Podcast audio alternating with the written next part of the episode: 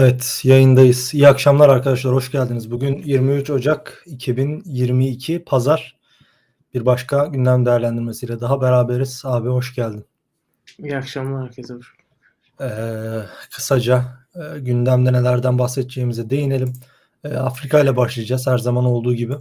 Ee, Mali cuntasının faaliyetleri, Fransa'nın e, maruz kaldığı saldırılar, ardından Burkina Faso diyeceğiz. Ee, Nijerya, Somali, e, ardından Orta Afrika, e, buradan Asya'ya uzanacağız. Özbekistan ve Hindistan diyeceğiz. E, ardından Orta Doğu'da Husilerin, İran destekli Husilerin düzenlediği saldırılar, Yemen'de Suudi Arabistan tarafından e, gerçekleştirilen saldırılar, Hı hı. Suriye, Suriye'deki gelişmeler, Filistin'deki gelişmeler, Kırım, gündemin en önemli meselesi olan Ukrayna ve son olarak Afganistan'la yayını noktalayacağız. İstiyorsan hemen ben e, Batı Afrika'dan Mali'den başlayayım. Başlayalım. E, Mali'de biliyorsun askeri bir darbe gerçekleşmişti. Bu darbeden sonra e, Fransa'yla e, Mali arasında, Mali yönetimi arasında gerilim artıyordu. Mali cuntası Fransa'nın bölgedeki varlığının teminatı olan güvenlik anlaşmasını, savunma anlaşmasını gözden geçireceklerini ifade etti. Bu da Batı Afrika'daki ittifakın çökeceği şeklinde yorumlandı. Mali'den bir diğer gelişme de bugün e, Mali'nin kuzey bölgesinde Mali'nin kuzey bölgesindeki Gao'da e, bir havan topu atıldı üste ve bir Fransız askeri öldü. Batı Afrika bu aralar e, gerilimin odağındaki bölge olmayı sürdürüyor. E, senin ekleyeceğin şeyler olursa beni durdurursun ben devam edeceğim. Batı Afrika'dan mı? e, Evet, devam Burkina? Faso'dan devam edeceğim.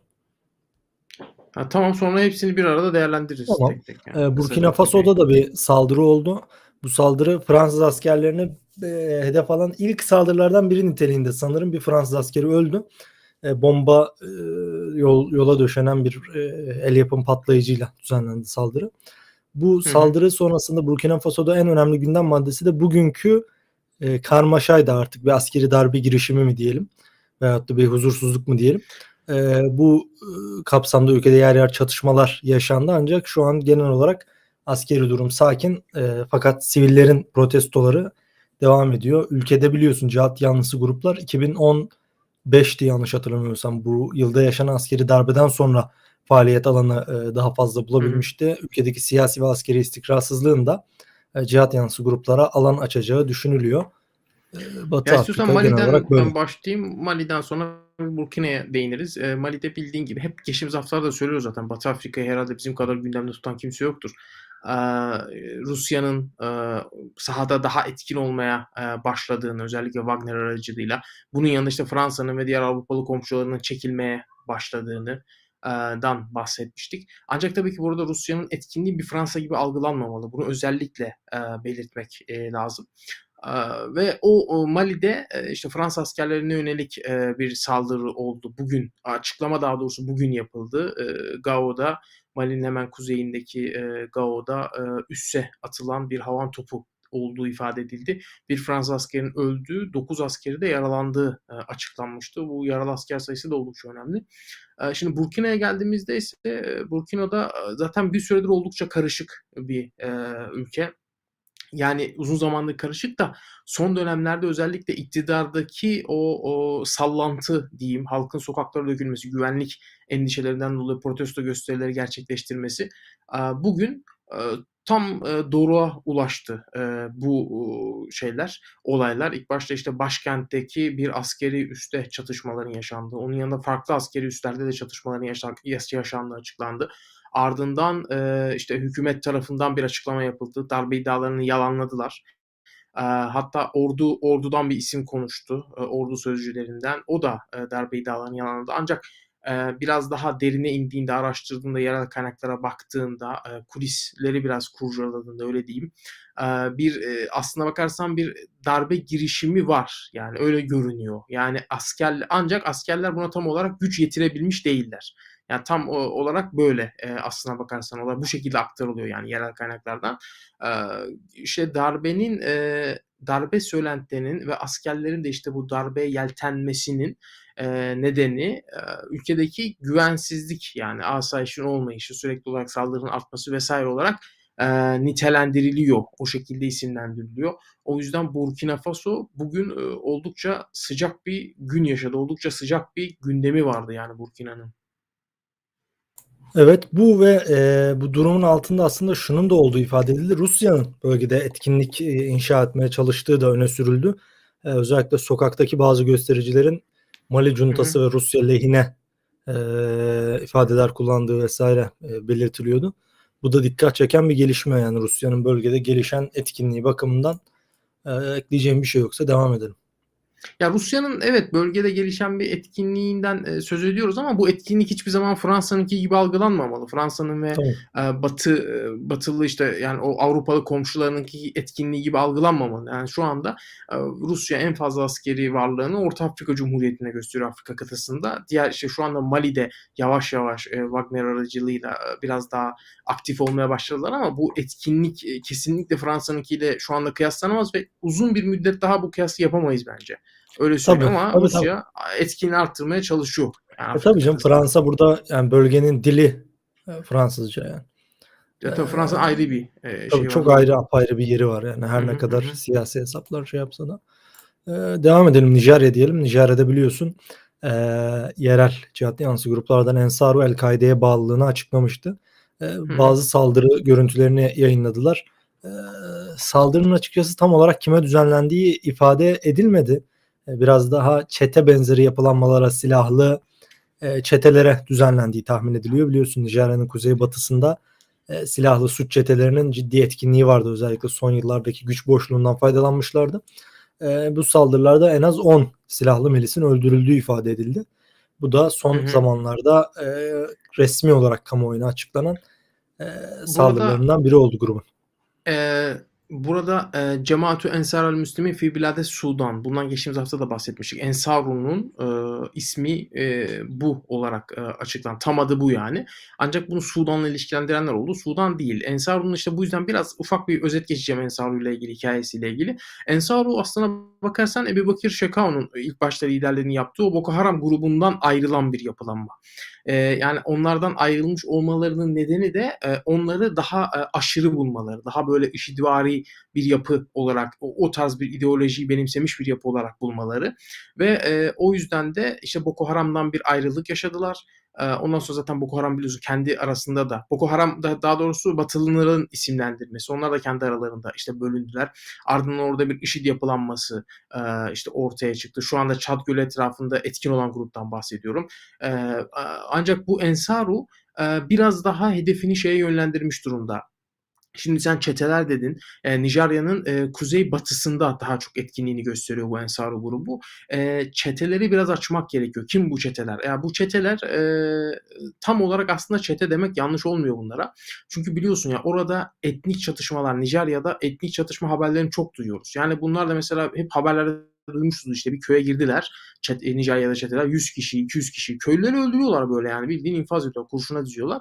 Ya, bu o Nijerya'da ve diğer ba başka birkaç, eee, daha Batı Afrika ülkesinde bu yaygın bir olay. Yani böyle çetelerin sadece etnik birtakım dinamiklerle işte böyle köyleri filan basıp oradaki yüzlerce insanı öldürmesi, eee, çok rastladığımız bir olay bölgelerde. Eee, ve bu Ensaru da bu çeteleri biraz hedef almaya başladı. Yani işte en son mesela bu saldırı gerçekleştirdikleri kişilerin, eee, eee, daha önce bir köyü basıp sırf etnik nedenlerden dolayı işte orada çok sayıda insanı, çok sayıda köylüyü, silahsız köylerden bahsediyorum bu arada, eee, öldürmüş olduğu, eee, ifade ediliyor. Burada Ensaru'nun, eee, saldırılarının hani, eee, bir şeye yapıldığını görmedik şu ana kadar. IŞİD'e yönelik, eee, işte IŞİD'le bir çatışma haberi filan bunlardan ziyade, eee, bazı söylentiler oldu ama doğrulanmadı. Bunlardan ziyade hep, eee, şey bu çetelere yönelik. Yani işte o köyleri basan, eee, silahlı milislere yönelik saldırılar gerçekleştirdiğini duyuyoruz. Mesela bu çetelerden kasıt kim? Eee, şimdi, eee, Nijerya'da aslına bakarsan Nijerya, emm, Orta Afrika, eee, Orta Afrika diyorum, Afrika'nın en stratejik, eee, ülkelerinden bir tanesi. Gerçekten çok önemli bir ülke. Ancak güvenlik tam anlamıyla orada, eee, yani sağlanamamış da demek doğru olmaz. Yok yani güvenlik öyle söyleyeyim ve bu güvenlik, eee, asayiş işte bu milislerle, işte güvenlik, işte korucular de diyebileceğimiz yapılarla, işte silahlı militanlarla sağlanabiliyor ancak ve bu çetelerin de bir kısmı aslına bakarsan hükümetle bağlantısı olan kişiler. Yani hükümetin tuttuğu işte korucu olarak da düşünülebilir. Ne memur ne değil hani o arada böyle ama bazıları da tamamen e, işte silahlı bir örgüt gibi, silahlı bir milis grup gibi hareket ediyorlar. Hani çeteler dediğimizde bu yani. Bazıları içlerinden bazıları hükümete de bağlılar yani. E, tabii ki ne boyutta bir bağlılık bilmiyorum bunu. E, ama bunlar e, çeteler işte son dönemlerde özellikle Nijerya'nın e, kuzey-batı kesimindeki köylerde çok ciddi saldırılar gerçekleştirmeye başladılar. Ya bazı rakamları duyduğunda böyle inanamıyorsun yani. Yüzden fazla. Yani 200 kişiden bahsettiler. Tek seferde hatırlıyorsan geçenlerde e, ajanslar geçmişti bu haberi. Ölü sayısı işte ilk başta 40-50 açıklandı. Sonradan 200'ü geçti ölü sayısı. Ya 200 ölü düşünebiliyor musun? Ve hiçbir neden yok. Sırf etnik sebeplerden dolayı yani e, etnik e, bir dinamikle olaya yaklaşıp e, o kadar insanı e, katlediyorlardı. Bunların bazılarının görüntülerini izlemiştim.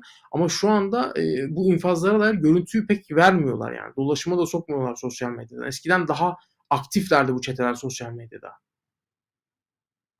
Evet, e, şunu da eklemek lazım. Boko Haram, e, Boko Haram'ın da geçmişi sen hatırlıyorsan buna dair bir video çalışması yapmıştım birkaç sene önce. E, Boko. Haram'ın da geçmişi esasen e, Nijerya'nın kuzeyi, kuzeydoğu, kuzeybatı bölgelerindeki e, medrese kökenli, e, ilmi e, çalışmalar yürüten kurum ve müesseseler kökenli. E, yani daha sonra tabii işte bu Şekao'nun lider olması, Muhammed Yusuf'tu sanırım. Muhammed Yusuf'un öldürülmesi, Evet. Şekao'nun lider olması, onun Hı diğer e, lider isimleri işte ortadan kaldırılması vesaire ile e, daha farklı bir noktaya geliyor. Aslında Ensaru'nun ayrılması da biraz e, grubun önceki yani kuruluş e, çizgisi üzerinden devam etme düşüncesine sahip olan bir e, kesimin ayrılması niteliğinde. Yani sanki burada ayrılma denildiğinden hep e, şey anlaşılıyor. Grubun bir kuruluş felsefesi var. O kuruluş felsefesini daha sonra benimsemeyen kişilermiş e, gibi bir düşünce oluyor ama aslında biraz daha farklı bir durum var diyelim. E, istiyorsan devam edelim. Somali'den. Yani Ee, Somali'de bu hafta yüksek profilli saldırılar gerçekleştirildi.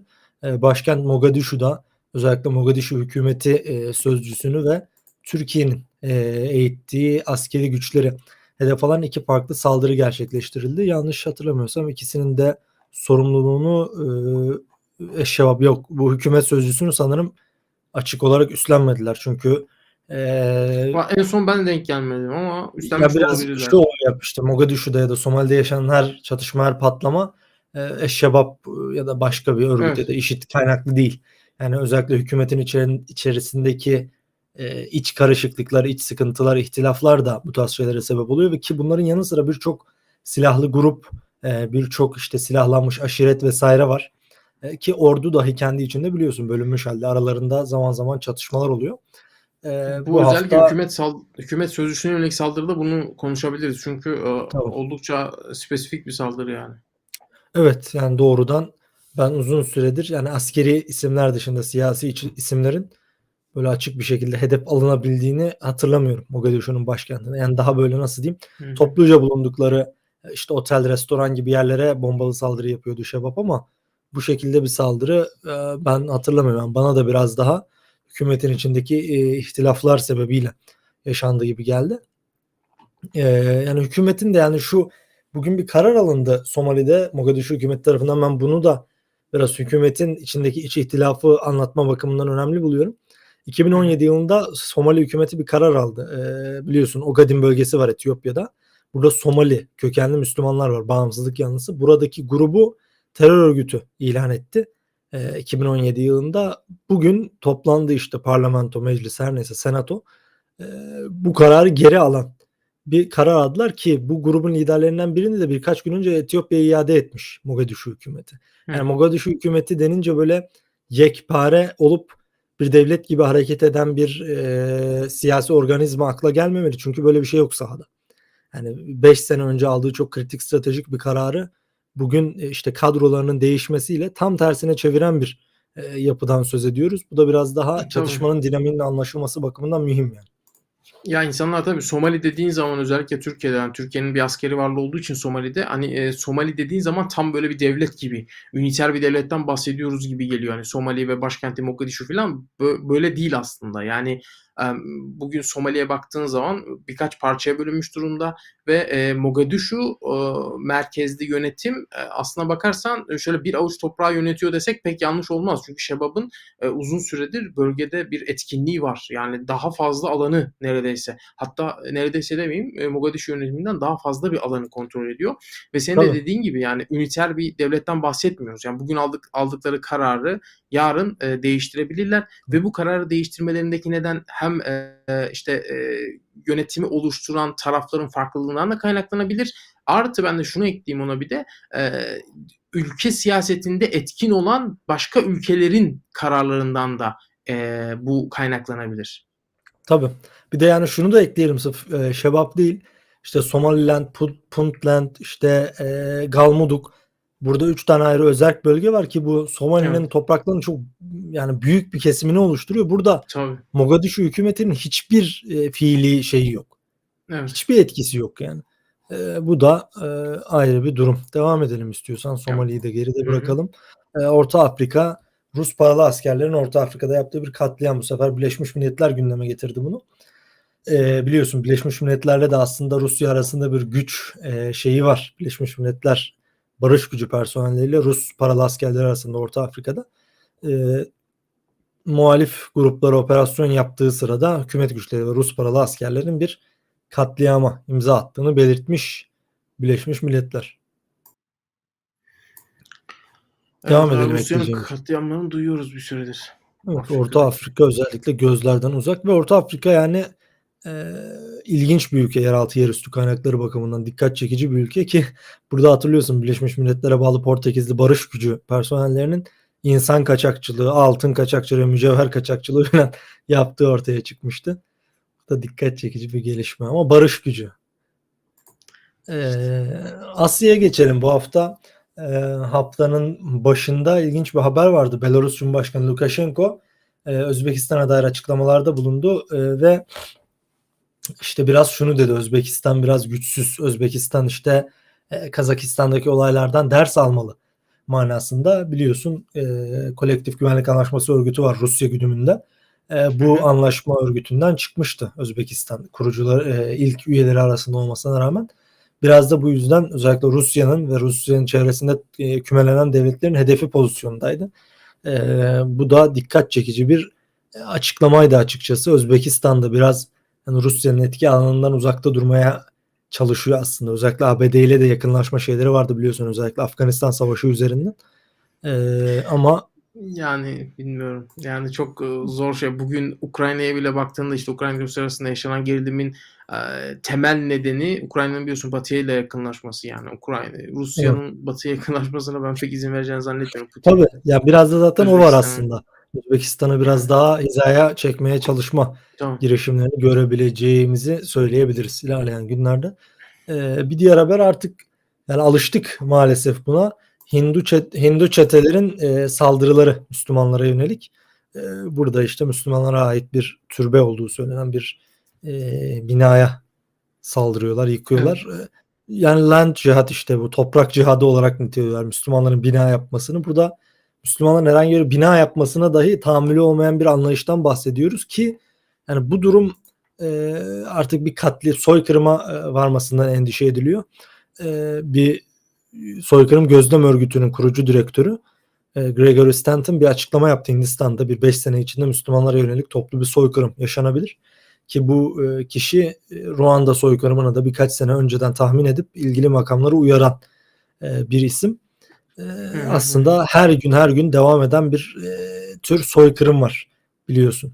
Hindistan'da biz Ya, bunu sürekli e, gündeme alıyoruz ama Hindistan evet sürekli gündeme almaya çalışıyoruz ama belli bir yere kadar tabii ki. Sürekli oradaki saldırılardan, Müslümanlara yönelik saldırılardan bahsediyoruz. Sadece bu saldırılar Müslümanların kutsal mekanlarına yönelik değil, kendilerine yönelik de oluyor ki geçen senelerde bunlar çok daha görünürdü. Şu anda ne olduğunu da bilmiyoruz. Belki devam ediyor ama gö- görünür değil. Hani sosyal medyada pek e, videosunu falan paylaşmıyorlar. Yoksa gerçekten sokak ortasında Müslümanların dövüldüğü, öldürüldüğü kadın erkek fark etmeksizin görüntüler e, daha çok yakın bir geçmişte servis edilmişti sosyal medyada ve şu anda da bunlar konuşuluyor yeniden ama, baktığın zaman gerçekten çok büyük bir sessizlik var. Her zaman da bu sessizlikten, eee, bahsediyoruz zaten. İlla çok büyük katliamların ortaya çıkması gerekiyor. Çünkü şeyde böyle olmuştu. Eee, Myanmar, işte Myanmar'da yaşananlar, oradaki Rohingyalara yönelik işte bu katliam, bu, eee, soykırım politikaları çok, eee, yeni değildi. Hâlbuki baktığın zaman 2019'da mı Türkiye'de patlak vermişti bunlar? Gündeme gündeme. Hatta Türkiye değil, tüm dünyada. Hâlbuki, 2010 eee 7 2017 miydi? 7. 2017 ve doğrudur, doğrudur. Yanlış hatırlıyor olabilirim. 2017'de ama bu çok daha öncesi var bunun. Hep söylüyorum zaten. Bu çok önceden beri 2011'lerden beri devam Hatta eden orada böyle 1940'lardan beri bile devam eden bir olay var Arakan'da. Aslına Doğru, tabii var. Sürekli devam Eee, eden çok katliamlar, soykırımlar var. tabii ki.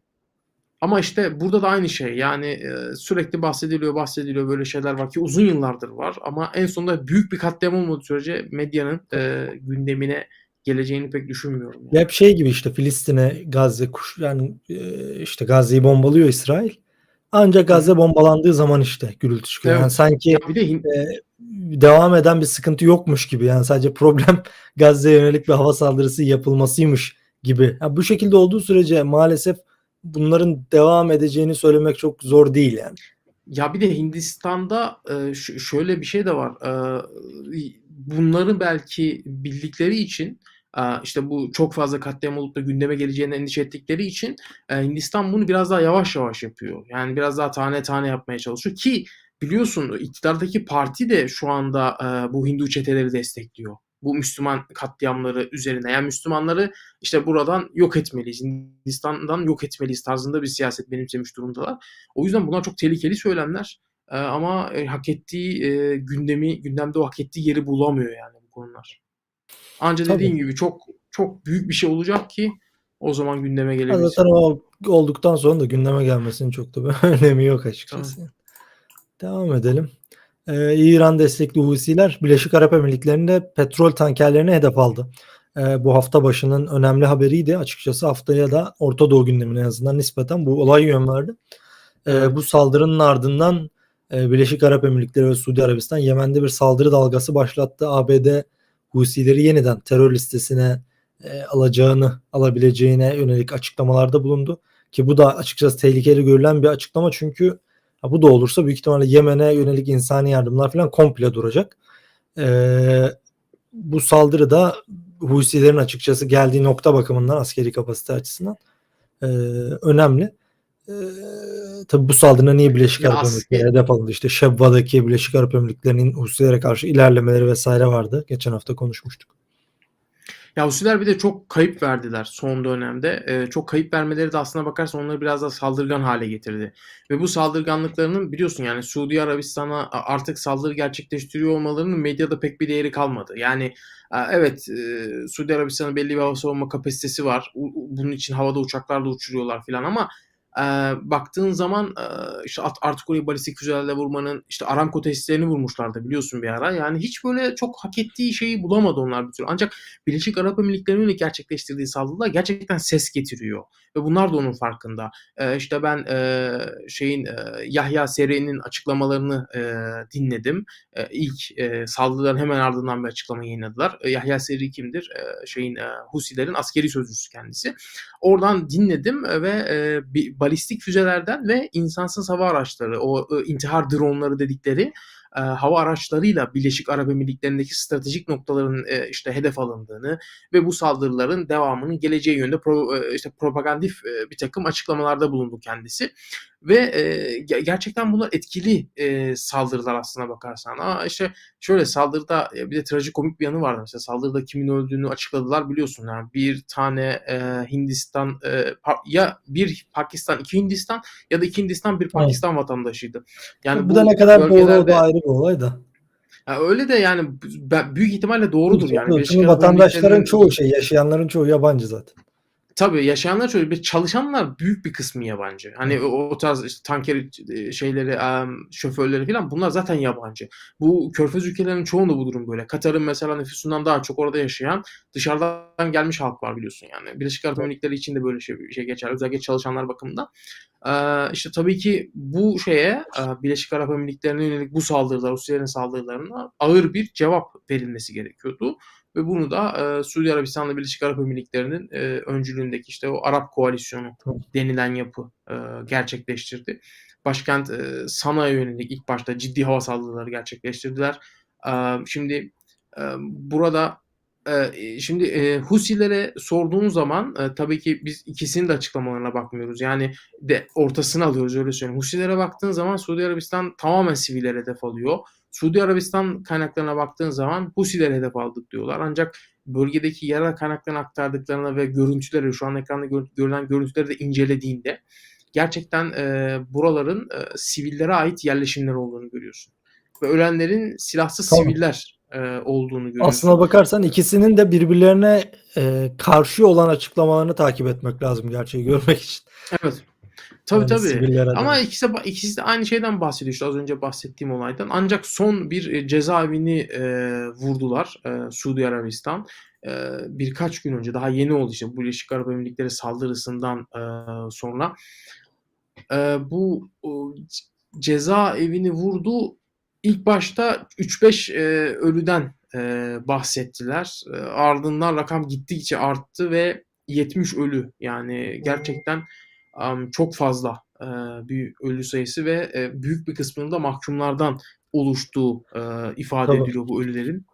E tabi Husilerin kontrolündeki bir cezaevi. Hani E, kim mahkum lazım. evet o da bilinmiyor açıkçası yani. E, tabii kimin mahkum olduğu da bilinmiyor. Ancak e, ya şimdi Suudi Arabistan, Birleşik Arap Emirlikleri gibi ülkelerden bahsettiğimiz zaman yani burayı e, işte vurmuş, yerle bir etmiş cezaevini ve bu cezaevinin tamamında Husiler vardı filan bu şekilde de bakmamak gerekiyor olaya. Bunun arka planında neler olduğunu tam olarak bilmiyoruz.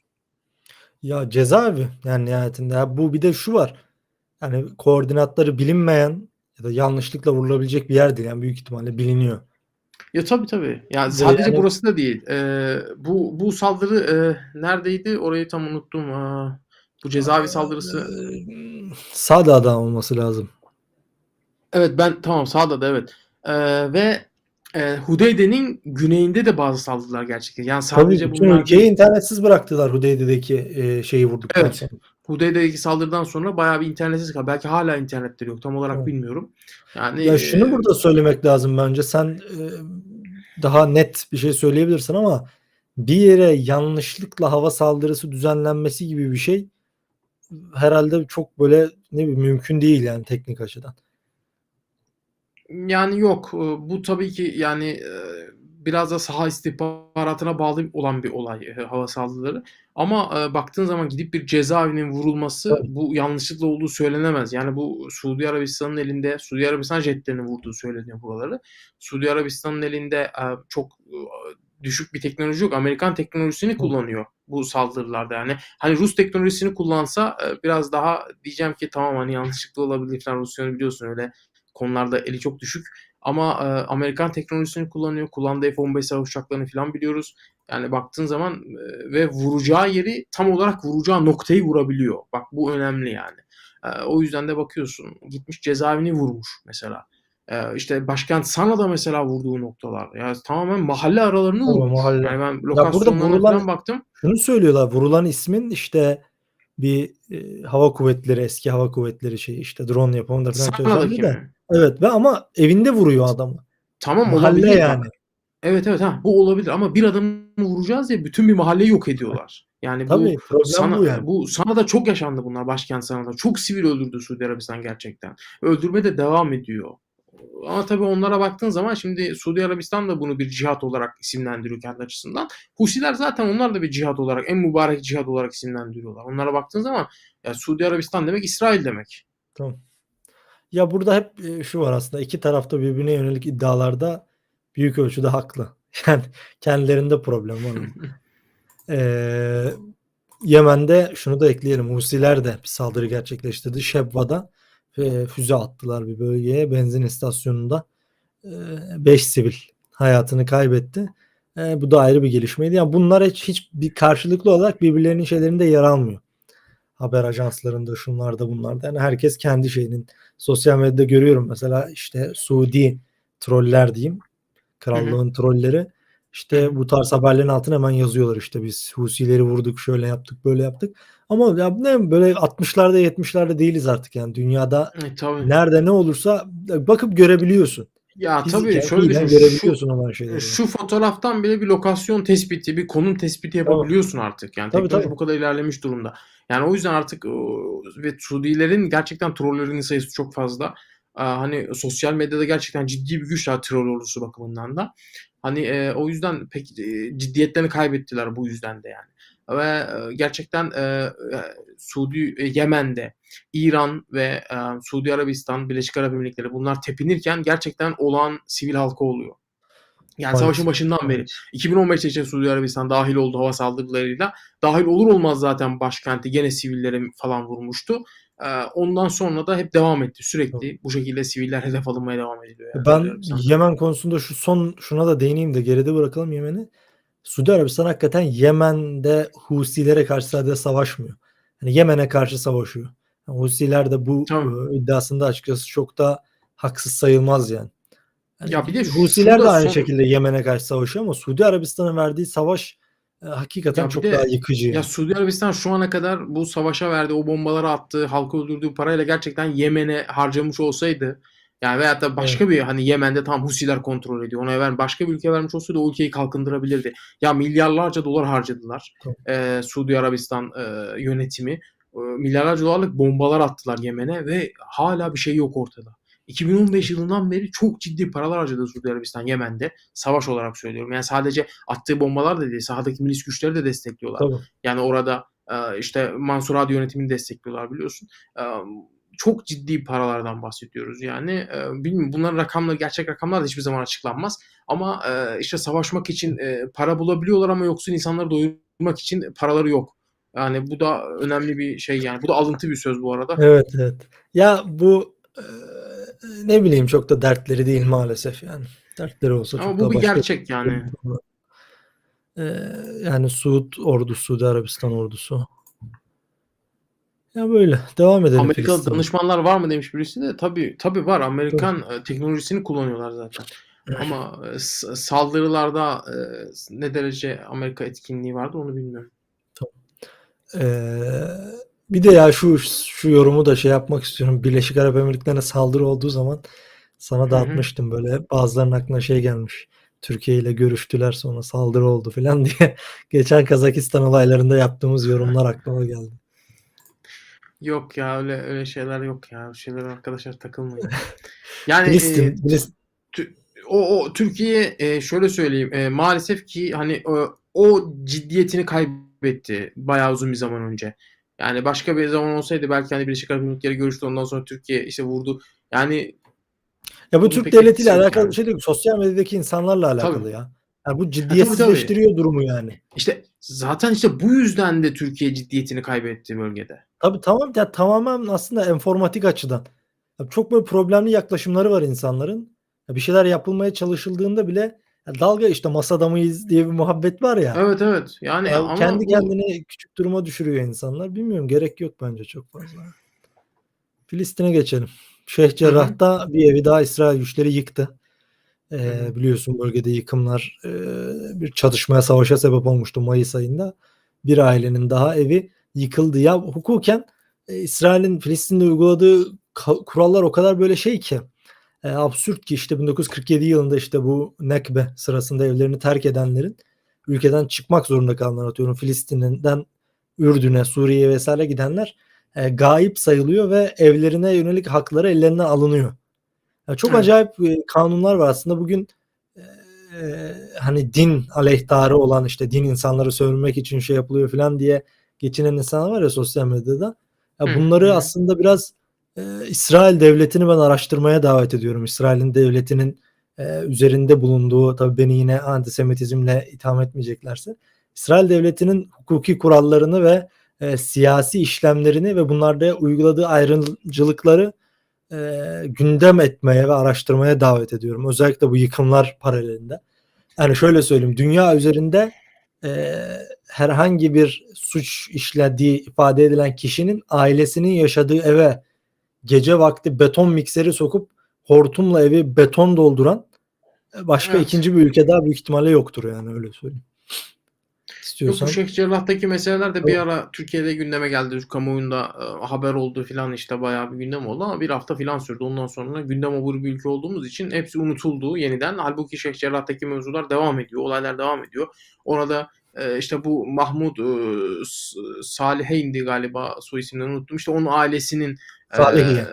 Salihiye, Mahmut Salihiye'nin ailesinin eviydi burası ve onlar hatta hatırlıyorsan gündeme gelmişlerdi. Böyle evin çatılarına çıkıp kendilerini yakmakla, evi havaya uçurmakla falan tehdit etmişlerdi. Eğer yaklaşırsanız, evi yıkmaya kalkarsanız biz böyle yapacağız diye. Ama sonradan şey oldu yani İsrail güçleri sabah benim edindiğim bilgilere göre gece 3 gibi bir polis gücü, bir güç İsrail güçleri eve baskın gerçekleştiriyorlar. Mahmut'u ve ailesini de evden çıkartıp evi şu an ekranda gördüğüm gibi eşyaları bile çıkartmasına müsaade etmeden yerle bir ediyorlar. Şu an fotoğraftaki de bir buzdolabının kapağı. Kapaktaki de işte ailesinin e, fotoğrafları kendisinin ve bu bunlar devam edecek gibi görünüyor. Yani İsrail e, tüm dünyanın gözünün içine baka baka um, bu şey uh, Filistinleri topraklarından sürmeye, oradaki işgal pro- pro- politikasını devam ettirmeye e, devam ettirmeyi sürdürüyor öyle söyleyeyim. Ya evet ya burada ben şuna da değinmek istiyorum müsaadenle. Yayını çok uzatmak istemiyorum aslında bu akşam ama eee, bu meselelerde İsrail çok ciddi. Ya İsrail Tabii. hakikaten e, nasıl diyeyim ne yapılırın bence portresini çiziyor. O yüzden ya, bilmiyorum ben bunun aleyhtarı olan insanlara e, buradan söylüyorum. Ha, çok umurunda olmayan insanlar için mesele değil ama en az İsrail Ya. kadar ciddi olmadıkça ve en az İsrail kadar ciddi şeyler yapılmadıkça Filistin adına herhangi bir kazanım elde edilmesi mümkün değil yani. Ya Bu tabii ben nasıl diyeyim çay içerek, çorba içerek vesaire ya da şiir okuyarak ya İsrail bu şekilde almadı Filistin'i. Ben öyle bilmiyorum en azından. Yo, Öyleyse de Yo tabii kesinlikle öyle. Hayır hayır İsrail. İsrail çok ciddi. Yani e, İsrail e, bu konularda kesinlikle kelamla, sözle yani e, e, hamasetle hareket etmiyor.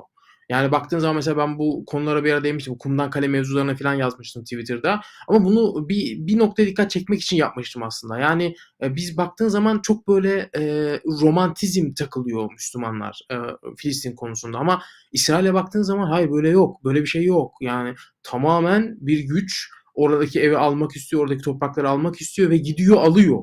Evi yıkıyor, gece baskın düzenliyor. Senin dediğin gibi evde sakinler varken evin içerisine beton boşaltıyor. Bunu yapıyor İsrail. Ancak Müslümanlara baktığın zaman e, dolayısıyla böyle bir şey yok. Yani sadece söylem geliştirmenin ötesine geçilemiyor. E, işte bunu da e, herhalde biz e, işte söylem geliştirmenin ötesine geçmek lazım dediğimizde de bizi muhtemelen fitne çıkarmakla falan suçlarlar. Yani öyle söyleyeyim ama ben bu insanların direnişini gördüm.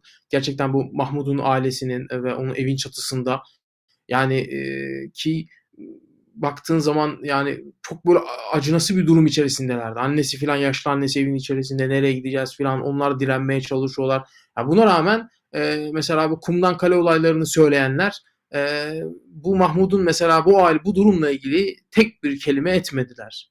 Yani olan ne oldu? Olan burada Filistinliler ya bu oldu. bir şey söylemekle de şey değil ya. Ya benim En, ya, ya tabii ki yine en azından bir şey söylemek. çekili bir şey yapılabilir. İlla Tabii, ki tabii. bunun bir ajans tarafından servis edilmesi gerekmiyor Cerrah'ın şu anki durumunun. Yo ben bunu şey açısından itiraz kabiliğinden söylemiyorum. Yani şu benim biraz ifade etmek istediğim. Ee, bir şeyi dert edinen bir insanın bir programı olur. Uygulanabilir bir program. Hayata geçirilebilir bir program olur ama bir şey söylemek ya öyle e, nasıl diyeyim tarih boyunca öyle e, yapılar öyle insanlar var ki İslam gayri İslam Siyonizm mesela en basitinden. Hı hı hı. Baktığın zaman ya konuşmamışlar. Bir şey Evet, tabii. e, nasıl diyeyim somut bir şeyler ortaya koymuşlar. Bir program ortaya koymuşlar. Yani e, acılarının dahi yasını tutmamışlar bir süre ama daha sonradan çok uzun süredir belki bin senedir elde etmeye çalıştıkları şeyi elde etmişler. Ya Tabii. benim en azından tarihten, hukuktan, siyasetten okuduğum, anladığım, çıkarabildiğim şey bu. Hani bir şey söyleyerek e, bir şey olmuyor.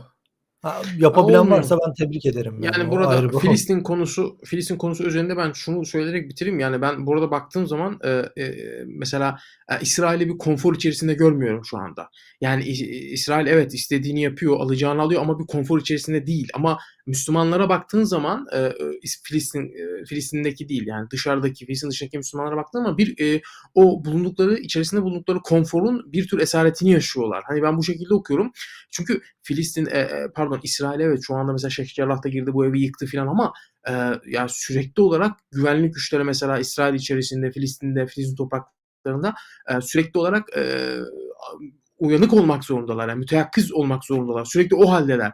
Yani sürekli böyle bir e, kendileri bir eman içerisinde, bir emniyet içerisinde yaşadıkları da e, pek söylenemez açıkçası. Yani o konforu işte bu senin de e, az önce söylediğin şey gibi dava edindikleri şey için konforlarından vazgeçmişler aslına bakarsan. Yani şu evi bile yıkmalarının onlara bir sonuç getireceğini biliyorlar. Yarın öbür gün bir bıçaklı saldırı, bir arabalı saldırı başlarına gelebileceğini bildikleri halde bunlara devam ediyorlar. Bu da işte onların bize e, amaçlarına ulaşmak için konforlarından vazgeçmiş olduklarını gösteriyor bir anlamda. E, ve çok ciddi Evet. şeyler daha yapacaklarını ben düşünüyorum açıkçası. E, İsrail bugün- ilerleyen süreçte. Sosyal medyada mesela denk geldiğim bir şey var. Buna da değineyim de yani devam edelim. Ee, yani X bir muhabir, yazar, yorumcu her Hı neyse hı. E, İncil'den bir ayet paylaşıyor. Havralar e, ile ilgili olumsuz bir şey geçiyor. Hemen işte e, bir Yahudi başka bir şey yapar, e, yazar, gazeteci her kimse ona müdahale ediyor ve diğeri özür diliyor. Yani Müslüman olan ya da Filistin'i gündem edinen diğer insanlar da böyle bir ağırlık edinmedikleri e, müddetçe ki bu e, somut çalışmalarla edinebilecek bir ağırlık e, hı. Filistin, Yemen artık her neyse Hindistan herhangi bir şey elde edilmesi mümkün değil. Siyaseten değil yani. Başka bir şey olur. E, işte yanardağ patlar bilmem ne olur deprem olur bilemem ama siyaseten mümkün değil. Devam edelim. Ee, ABD Suriye'de bir barajı 2017 yılında Tapka barajını e, bombalayarak binlerce kişinin hayatını riske attı ortaya çıktı. Bu saldırı sırasında e, devam eden günlerde çok gündeme gelmişti ya kim yaptı bu saldırıyı falan diye. Rusya. Esed, e, İran, e, ABD'yi suçlamıştı. ABD de evet evet. bu çılgınlık demişti ya bizle ne alakası var falan diye. ABD'nin yaptığı ortaya çıktı. Ya bu da şu açıdan bir özet ben topu sana atacağım. Ee, ABD'nin ve e, ABD'nin batılı ortaklarının çizgisinde yayın yapan e, medya kuruluşlarında gördüğümüz şeylere ne kadar inanmamız ve ne kadar inanmamamız gerektiğini çok net gösteren bir şey aslında. Ya Çünkü yalan buradaki konuş- söylüyorlar yani. Yalan sadece Rusya'ya has e, bir özellik değil. Yok, eee, ya şimdi en yalancıları Rusya diyebiliriz belki ama eee, tabii eee, burada zaten bu konuştuğumuz bütün mevzular, bütün konular bize şeyi eee, biraz daha eee, işte izleyenlere şeyi anlatmaya çalışıyoruz yani ya olaylara farklı bir açıdan da bakılması gerektiğini, yani biraz daha eleştirel bir şekilde, eleştirel bir düşünceyle veyahut da yaklaşılması gerektiğinden bahsediyoruz zaten. Bu mesela Tapka Barajı'nın atılan mühimmat patlamamış. Bu sonra bugün or- dün ortaya çıktı işte yeni ortaya çıktı bu olay. Amerika o zamanlar işte eee, çok tırnak içinde söylüyorum. Biz manyak mıyız böyle bir şey yapalım demişti. Ama Atılan yapmış. da herhangi bir şey değil yani 900 kiloluk bir sığınak delici bomba. Evet bi- bildiğin e, işte barajı e, patlatmak için oradaki e, köyleri, yerleşim birimlerini sular altında bırakmak için bir e, atış yapmışlar. Ama mühimmat patlamamış. Ya burada mühimmatın patlamama nedenini bile sorguluyorum ben yani öyle söyleyeyim sana. Hani belki de patlamamasını istemişlerdir filan. Yani böyle şeyler ol- ol- olabilir. O yüzden gerçekten e, özellikle bu bölgede Suriye'de e, duyduğumuz her haberi işte az sonra mesela bu Haseke'de yaşananlara geldiğimizde de birkaç kelam belki ederim bununla ilgili. E, dikkat etmek gerekiyor yani. Haseke'ye şimdi geçeceğiz aslında. Ya ben bu e, olaya henüz e, sitede de yer vermedik. Ya ben olayın biraz daha şey yapmasını bekliyorum açıkçası. Netleşmesini. Hmm. Çünkü bölgeden bilgi akışları var işte. IŞİD'in bazı açıklamaları vardı. 800 mahkumu serbest bıraktıklarına yönelik işte ABD'nin bölgeye tank vesaire yığdığına yönelik e, çatışmalar olduğuna yönelik açıklamalar vardı. E, hani henüz böyle çok netlik kazanmış değil olay. Ortada net olan Evet. kompleks bir saldırı oldu Haseke'nin merkezinde. Ee, IŞİD'in işte bazı mahkumları serbest bıraktığı, kendileri 800 mahkum olduğunu söylüyor. Ve Hı hı işte bazı YPG, PKK mensuplarını e, esir ettiği, Öldürüldüğü ve esir aldığı. öldürdüğü, Evet. esir aldığı yönünde. Bölgede hala da sanırım şeyler durulmuş değil. ABD bazı bildiriler atmış bölge havadan. İşte Ya büyük e, oranda durmuş durumda. diye. Ee, hı. yani genel olarak böyle. Biraz daha olay netlik kazandıktan sonra herhalde çok daha net bir perspektifle bakılabilir olaya. Ee, ama ilk yorumları alalım istiyorsan senden. Ya bu olay evet takip ediyorum ben de başından bu yana ama e, işin içerisinde hem YPG hem Amerika Birleşik Devletleri olduğu zaman hani bir duruyorsun. Yani biraz daha geriden bakman gerekiyor olaya. İşte burada da Haseke dediğimiz yer e, bugün e, Deir Zor'un bir çölündeki bir köyden bahsetmiyoruz. Yani o gün sana da söylemiştim. Yani burası YPG'nin ve Amerika Birleşik Devletleri'nin oldukça güçlü olduğu bir bölge. Yani Amerika Birleşik Devletleri'nin ufak bir çatışmada bile burada Apache helikopterlerle müdahalede bulunabiliyor ki öyle de oldu. Bu son çatışmalarda Apache'ler de kullanıldı filan. Yani e, Amerikan güçlerinin zaten YPG'ye yoğun bir desteği var. Ya burada birkaç nokta var. Yani e, ben e, bu bu tarz bir saldırının e, nasıl diyeyim e, birilerinin hani e, müsaade etmesi, müsaade derken hani görüp de buna ön açması olarak nitelendiriyorum. Çünkü müsaade aynı zamanda yardım etmek anlamına da geliyor. Hani birilerinin ben yardım ettiler demiyorum ama bu tabii dolaylı yollardan yardım olarak da anlaşılabilir. Sadece ön açmasıyla, ön açmasıyla böyle bir şeye, böyle bir şeyin ortaya çıkabileceğini. Çünkü birkaç gün süren bir çatışmadan bahsediyoruz. Yani eğer ki um, böyle bir IŞİD varlığından e, söz ediliyorsa e, Haseke'de o zaman nasıl e, nasıl bu kadar palazlanabildiler? Yani ki ben Amerikan istihbaratının oldukça etkin olduğunu biliyorum Haseke'de. Suriye'nin kuzeyindeki birçok bölgede olduğu gibi. Hani buna bundan habersiz olmaları pek mümkün değil ya öyle söyleyeyim. Ya bugün Amerika e, çekildiği, çekilmiş olduğu Afganistan'da dahi hatırlıyorsan son saldırısında saldırı gerçekleştirdikten gerçekleştirirken nerede aldığımız istihbar bilgilere göre işte IŞİD hedefleri, IŞİD'in bombalı aracı falan filan dediler değil mi o araca? Sonradan siviller çıktı. Yani gene bir istihbari takip yaptığını e, gösteriyordu. Yani burada da Haseke'nin ben e, yani böyle bir şeyin çok zor olduğunu düşünüyorum ama tabii ki burada bir komplo teorisi de üretmek istemiyorum. E, ve YPG'nin zaten bir süredir şeyi var biliyorsun. Ha işte bak Amerika geri çekileceği zaman hemen şeyi devreye sürüyorlardı. İşte işi tamamen yok olmadı. İşi tamamen bitmedi. Nereye gidiyorsunuz filan gibisinden. Hani bununla birlikte e, bu tarz bir IŞİD saldırısıyla birlikte e, yeniden e, bölgedeki IŞİD varlığı tabii ki gündeme geldi. İşte Suriye'nin kuzeyinde IŞİD hala etkin denecektir ilerleyen günlerde. E, bu hal böyleyken Amerika Birleşik Devletleri'nin de bölgeden çekilmemesi için bu bir kullanılabilir bir bir argüman yani öyle söyleyeyim en azından. YPG için de tabii ki kullanılabilir bir argüman. Ama tabii şöyle bir şey var. Yani ben şeyi ifade etmiyorum. Bu savaş olmadı, çatışmalar olmadı, kendi kendilerine çatıştılar falan böyle bir şey demiyorum. Yani bir çatışma var ortada. Ben sadece bu çatışmayı yani IŞİD'le YPG ve Amerika Birleşik Devletleri arasında bir çatışma yaşandı bölgede. Onu değerlendir onu değerlendirirken bunları söylüyorum yani. Eyvallah. İlerleyen günlerde büyük ihtimalle daha net bir perspektif çizebiliriz. Olayın neticeleri, tarafların yaptığı açıklamalar vesaire üzerinden. En son tabii değerlendirelim. Ee, istiyorsan devam edelim. Kırım. Ee, Kırım'a kısaca değinmek e, istiyorum. Ben o yüzden bugün gündeme Hı hı, aldım. Ee, bunun üzerine de bir çalışma yaptım. Sana atmıştım. Ee, inceledim mi bilmiyorum. Yayına e, inşallah belki önümüzdeki hafta içi girer. Ee, Kırım'da ABD'nin 2014 yılındaki işgalinden bu yana 93 ee, yanlış hatırlamıyorsam 93 Kırımlı e, Tatar Türk'ü Müslüman Rusya tarafından hapsedildi çeşitli bahanelerle. E, işte kimi Hizbut Tahrir üyesi olduğu suçlamasıyla kimi başka gruplara üye olduğu suçlamasıyla hapsedildi. E, hala daha bunların e, mahkemeleri sürüyor. Yani çok hukuken düzmece suçlamalar açıkçası. Delilsiz Evet. suçlamalar. Aralarında çok yaşlı ve çok ileri hastalıkları olan hatta görme engelli olan ki bunun sosyal medyada paylaşmıştım. E, görme engelli olan Müslümanlar da var. E, açıkçası burada e, Rusya e, çok ciddi insan hakları ihlallerine imza atmayı sürdürüyor. Özellikle buradaki Müslüman Türklere yönelik. Ya ben bunu e, biraz şundan gündeme aldım. Hem insanların biraz kulağına kar suyu kaçırabilmek için hem de e, Türkiye'deki medyanın bunu gündeme almaması beni gerçekten üzdü açıkçası. Yani biraz böyle inceledim. E, hı. bir iki Kırımlı haber ajansları mesela Kırım Haber Ajansı dışında çok fazla bunu sürekli gündemeden maalesef e, pek kimseyi göremedim. Aslında çok hayati bir mevzu ki hani Kırım e, tarihi açıdan, siyasi açıdan, insani açıdan çok yakın bir bölge bize. Yani buna rağmen yani ne sebeple olursa olsun bu meselelere susmak işte kulağının üstüne yatmak vesaire bana biraz e, rahatsızlık verici geliyor. Buna dair de çalışmalarımız bizim de sitede sürekli çalışmalarımız oluyor ama daha kapsamlı bir çalışmayı bu hafta inşallah e, yayına almayı düşünüyoruz diyelim. İstiyorsan Evet. Ukrayna'dan devam edelim. Hı hı. Ee, Ukrayna'da bildiğin üzere e, yeşil kamyon muhabbeti artık devam ediyor. Rusya girdi girecek. Bu hafta ama e, herhalde en kritik haftalardan biri oldu. Karşılıklı açıklamalar Rusya'nın özellikle tansiyonu yükselten, e, el yükselten açıklamalarıyla beraber e, gerilim sürekli olarak arttı.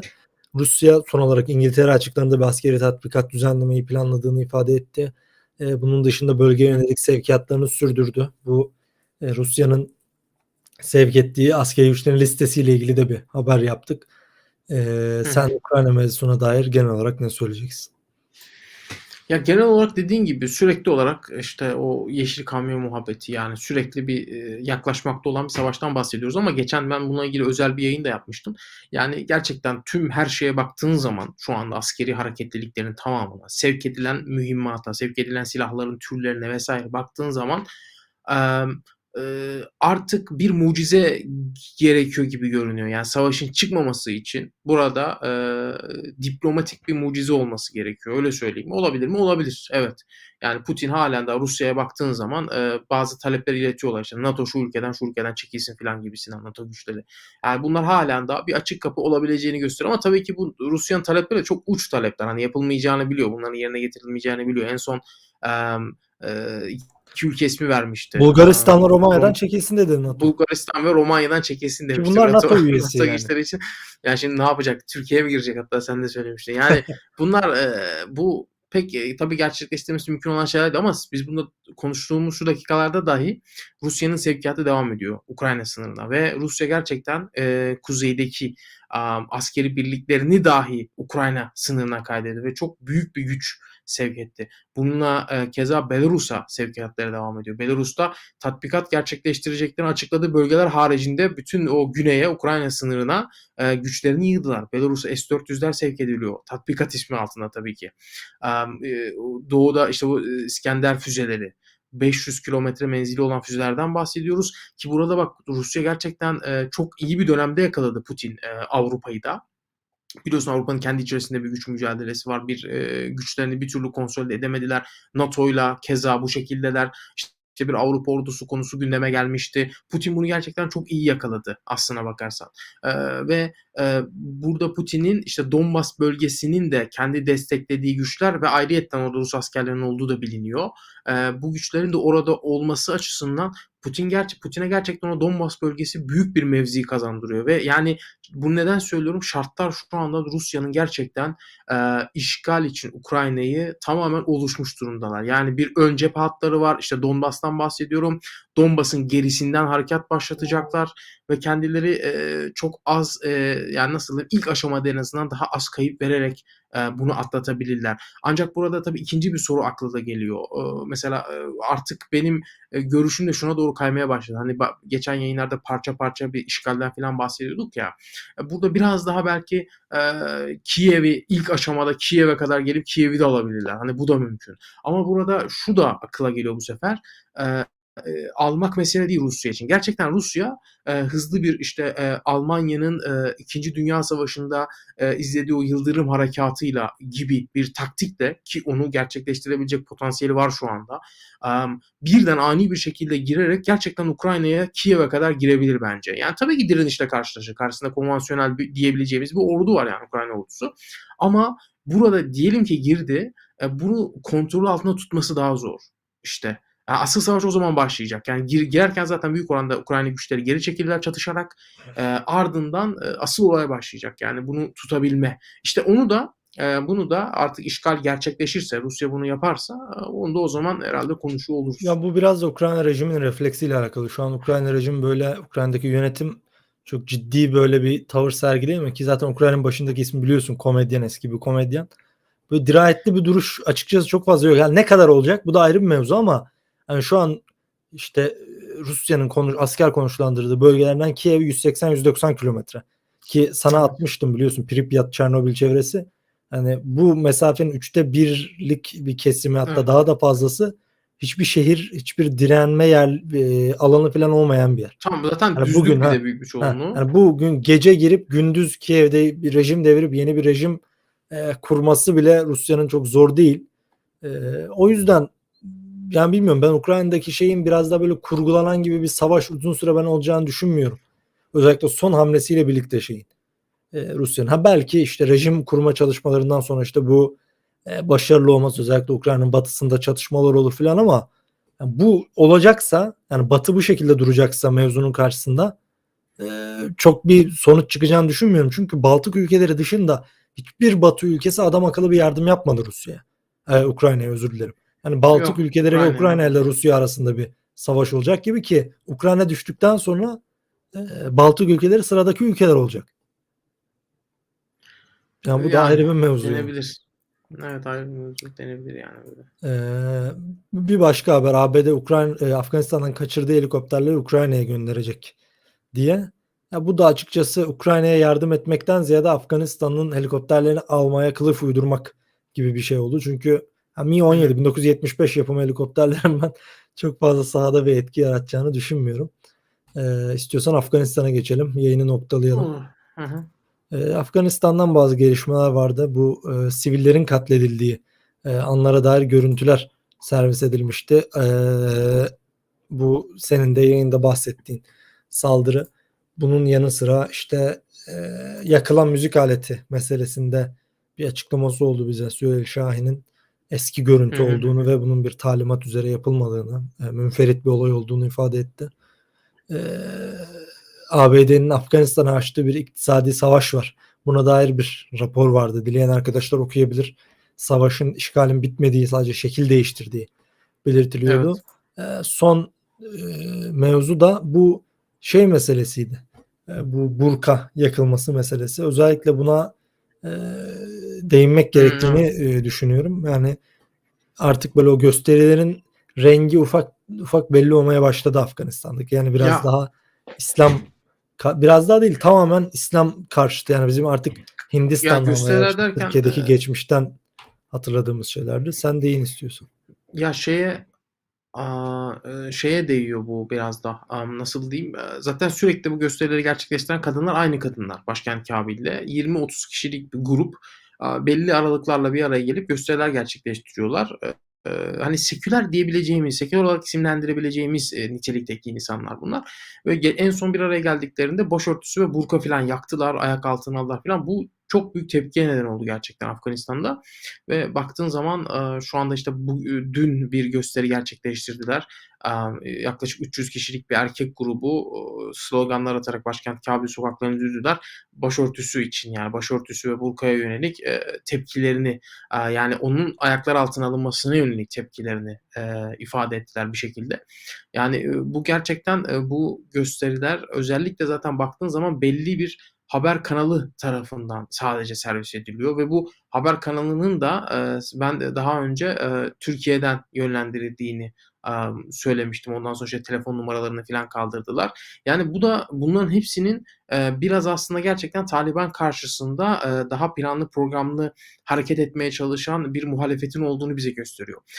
Ama bunlar da Talib, e, olay artık şeyden çıkmış boyuta yani olay Taliban karşıtlığı değil. Yani olay artık e, Taliban üzerinden bir İslamiyet'i hedef alma, bir İslam karşıtlığına e, doğru evrilmiş durumda. Şimdi en son mesela e, hicab e, yani burka gö- gö- şeylerinde e, eylemlerinde kadınlar burka yaktıklarında, başörtüsü yaktıklarında bütün medya gerçekten e, bütün yabancı ajanslar vesaire e, bu gösterileri verirken ertesi birkaç gün sonra biliyorsun kadınlar e, bir başörtüsü işte başörtüsü onurumuzdur gibi tarzı bir gösteride bulundular e, Kabil'de. Hiçbir haber kaynağı bunu vermedi mesela. Yani buna baktığın zaman çok büyük bir ikiyüzlülük var gerçekten Tabii. burada. Ya Türkiye'deki şeyler de öyle. çekici. Yani camide güreşen adamları verip böyle onun üzerinden bir şey çıkarmaya çalışıyor. şimdi ben gerçekten Türkiye Afganistan'la ilgili haberleri yayınlayan Türk e, kaynaklarını gerçekten ciddiye almıyorum. Yani çünkü yazdıkları birçok şey yanlış, yalan yanlış. Ne görürlerse yazıyorlar ama amaçları onların e, şey umurunda değil.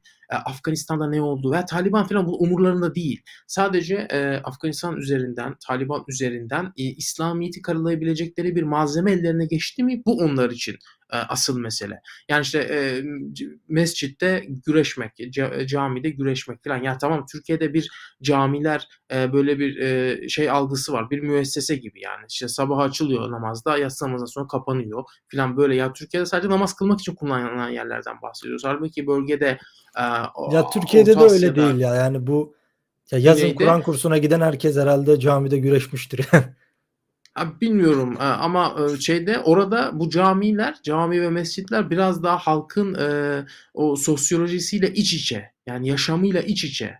E, anladın mı? Bir ev gibi kullanılıyor adeta. Hani öyle söyleyeyim yani. İşte bugün mesela e, Nuristan'dan e, video aktaran bir vlogger vardı. Onun videolarını izliyordum mesela. E, adam şey diyor işte bizde mesela diyor adettir diyor akşam namazından sonra e, pardon yatsı namazından hmm, düzeltiyorum akşam namazından sonra e, camide diyor eğer oturup da diyor evine gitmeyen birileri varsa diyor biz hemen ona soruruz diyor, yemek getirelim mi camiye? Hani siz yemek yer misiniz? Veyahut da alırız evimize götürürüz adamları diyor. Yemek çünkü orada oturuyorlarsa diyor bir nedenleri var. Gidecek yerleri yoktur diyor. Yani bak o zaman camiye yemek yemek de mi şey? Ayıp yani. Öyle, öyle mi bakmak ya? Bu cami bir ev gibi orada e, anlaşılıyor. Hani o yüzden ortada bir saygısızlık falan yok ama Türkiye'deki o medya işte o yani iktidar muhalifi diyeyim daha doğrusu ki iktidar yanlısı olan medya da keza öyle de hani e, baktığın zaman şey böyle neyin ne olduğunu bilmeden bir şey buluyorlar. İşte yer de önemli değil. Yani mesela olay Pençir'de olmuş. O Kandahar yazıyor. Önemli değil ki onun için. Onu zaten e, yani çok böyle teşbihte hata olmaz. Tam böyle koyun gibi bir kitle var bunlar inanan. Ne söylerse inanıyorlar. Ya sen diyorsun ki hayır gerçeği bu diyorsun sana inanmıyorlar bu sefer. Ya seni bir de propaganda yapmakla itham ediyor. Yani artık böyle propaganda İstedikleri bak şekilde gerçek bu dediğin zaman sen propaganda yapmış oluyorsun. Evet evet. Buna başkaları Aynen da öyle. katılıyor da artık e, çok bir önemi yok ya. Battı balık Yo yan benim işte ben sadece ya. onlar istiyorum ki onlar da gerçeği bilsinler ya. Bu bu medya kanallarının peşinden gitmesinler gerçekten. Çünkü yanlış haber, yalan haber yapıyorlar. Kasten bunu Tabii. yapıyorlar. Yo bir insan ne düşünürse düşünsün ama Evet. doğru düşünerek e, istediği tabii. sonuca ulaşsın. Yine doğruyu düşünsün yani.